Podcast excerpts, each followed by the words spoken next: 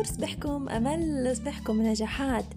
أنا حنان وانتي تسمع في بودكاست خطوة الفوق مع حنان اللي نشارككم فيه كل نهار ثلاثة صباح قصص ملهمة تجارب ناجحة اللي تنجم تتعلم منها وتنجم تكون لك سبب باش تقدم خطوة تحقق حلمتك وتغير حياتك للأفضل. ما زلنا مواصلين في سلسلة رمضان وقصص الصحابة. وحكايتنا اليوم حكاية مهمة ومهمة جدا. هي قصة الصحابي الجليل أبو درداء الأنصاري والذي لقب بحكيم الأمة. زعما شنو حكايته؟ وكيفاه لقبوه بحكيم الأمة؟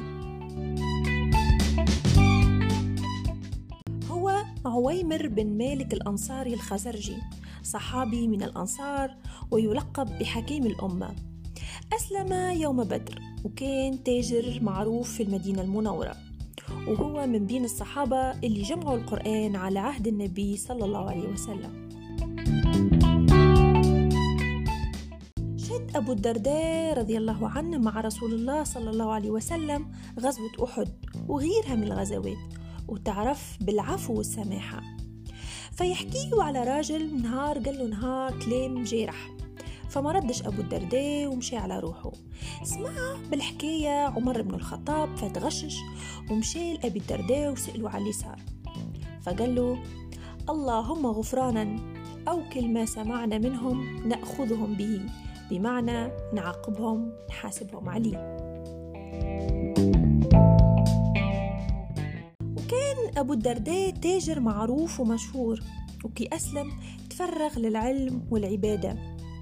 ويقول عن إسلامه رضوان الله عليه أسلمت مع النبي وأنا تاجر وأردت أن تجتمع لي العبادة والتجارة وأقبلت على العبادة وما يسرني اليوم أن أبيع وأشتري فأربح كل يوم ثلاثمائة دينار حتى لو يكون حانوتي على باب المسجد. ألا إني لا أقول لكم إن الله حرم البيع ولكن أحب أن أكون من الذين لا تلهيهم تجارة ولا بيع عن ذكر الله. وتصف أبو الدرداء كذلك بالشجاعة. حتى كانوا يقولوا عليه نعم الفارس عويمر. وكان ينطق بالحكمة فتسمى بحكيم الأمة عويمر. لأبي الدرداء 360 صديق وكان يدعي لهم في سليته وكان زيد رضوان الله عليه من القلائل اللي نجموا يحفظوا القرآن كامل في صدورهم. وتوفى عن عمر 72 عام في 32 هجري في خلافة عثمان بن عفان بمدينة دمشق. هذه قصة الصحابي الجليل رضوان الله عليه أبو الدرداء الأنصاري. هي قصة هايلة وعنده الكثير من المواقف ولكن اختصرتها في بعض المواقف فقط. واللي حبيت نوصله من القصة هذه هو مبدأ العفو والسماحة. لأنه من أكثر الصحابة اللي كان معروف بقيمة العفو والسماحة اللي مع الأسف نفتقدوها هالأيامات نحن في وقت لا غالب ما عاد حد يعفو على حد وما عاد حد يسامح حد. واللي هذا يحب يشد حاجة على الآخر. باش يقاطعوا ما عادش يكلموا ولا يرد الإساءة بأكثر منها. ومدامنا في أيامات فضائل كيما سيدي رمضان ماذا بينا نذكروا بالمبدأ هذايا؟ العفو والتسامح. العفو والتسامح. نردوش الإساءة بإساءة. ما نصلحوش الغلطة بغلطة كيما نقولوا. ما نحاولوش ديما نظهروا رواحنا اللي إحنا أقوى وإحنا خير ونجموا نرجعوا. كيما شفتوا أبي الدرداء الأنصاري رضي الله عنه الراجل سبه وقال له كلام جارح ورغم ذلك ما ردش عليه حتى كلمة. علاش ديما نحبوا نردوا الإساءة بالمثل وربما بأكثر منها؟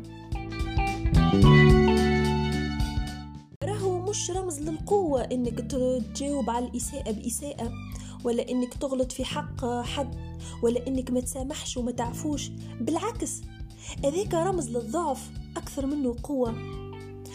تعفوا عن الناس تسامحوا في بعضكم. مثالش واحد غلط النجم ونعدوله مش بالضرورة نشدوا في أي حاجة ونكبشوا في أي حاجة وحاجة حتى تكون بسيطة نردوها قضية كبيرة ونكبروا نفوس والتقاطع بين العباد. ساعات كي تعرفوا على عبد غلط معاك ولا تسامحوا تعلموا درس وتربيه أكثر من اللي ترجع عليه الإساءة. توجعوا ممكن أكثر من اللي ترجع عليه الإساءة. والغاية في حد ذاتها ما هيش إنك توجعوا ولكن تعلموا درس. ومدينا في العشرة الأواخر من شهر سيدي رمضان الفضيل ونحن على أبواب عيد والعيد هو عيد التسامح. ماذا بينا الناس تتسامح وتعفو على بعضها واللي ما يكلمش عمه ما يكلمش خوه ما يكلمش جاره ما يكلمش صاحبه. يتصالحوا في العيد هذايا يتصالحوا في الأيامات الفضائل هذيا. ويتنازل ميسالش تنازل أنت المرة هذه وأعفو وسامح وكلم وخوذ أنت المبادرة باش تصلح.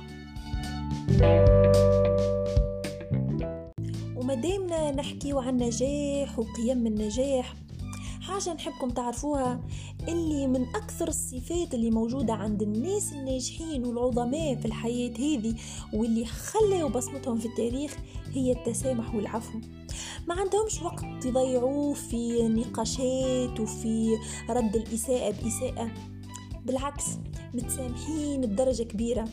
التسامح يخلي بالك مرتاح قلبك مرتاح مرتاح نفسيا نفسانيا.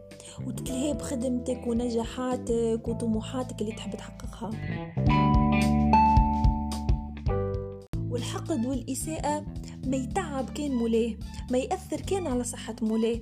صحيح تنجم تكون مظلوم وتكون أنت تاعب على خاطر هو ظلمك وسمع كلام مثلا جرحك وغلطت معاك. لكن ميسالش لازم يجي وقت تتسامح وتصفي قلبك وخلي كل واحد تو ياخذ حقه من عند ربي سبحانه. هذا حبيت نذكركم اليوم؟ مبدأ العفو والتسامح. وإحنا في أيامات فضائل وجينا عيد عيد التسامح وماذا بينا نذكروا بالمبدأ هذايا للناس الكل.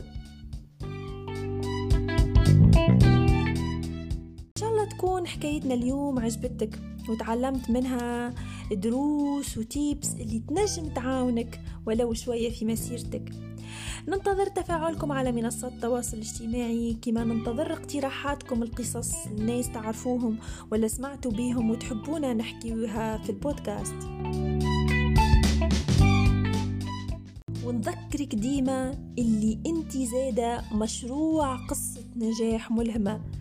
وإن شاء الله يجي اليوم اللي نحكي فيه قصة نجاحك أنت. أنت أي أنت اللي تسمع فيها توا وتلهم العديد من الناس في تونس والعالم الكل. ونذكرك زيادة اللي رمضان شهر السعي وشهر التسامح وشهر العفو. فاغتنموا الفرصة وتسامحوا وتصالحوا في بعضكم واسعوا لتحقيق طموحاتكم. وعلى أمل نلقاكم بخير الحلقة القادمة إن شاء الله. وعلى أمل إنكم تلقاو ديما جرعة من الأمل في البودكاست متاعي. وعلى أمل تكونوا بخير ونكون بخير. ونقولكم دمتم في رعاية الله. عشية طيبة. bye bye.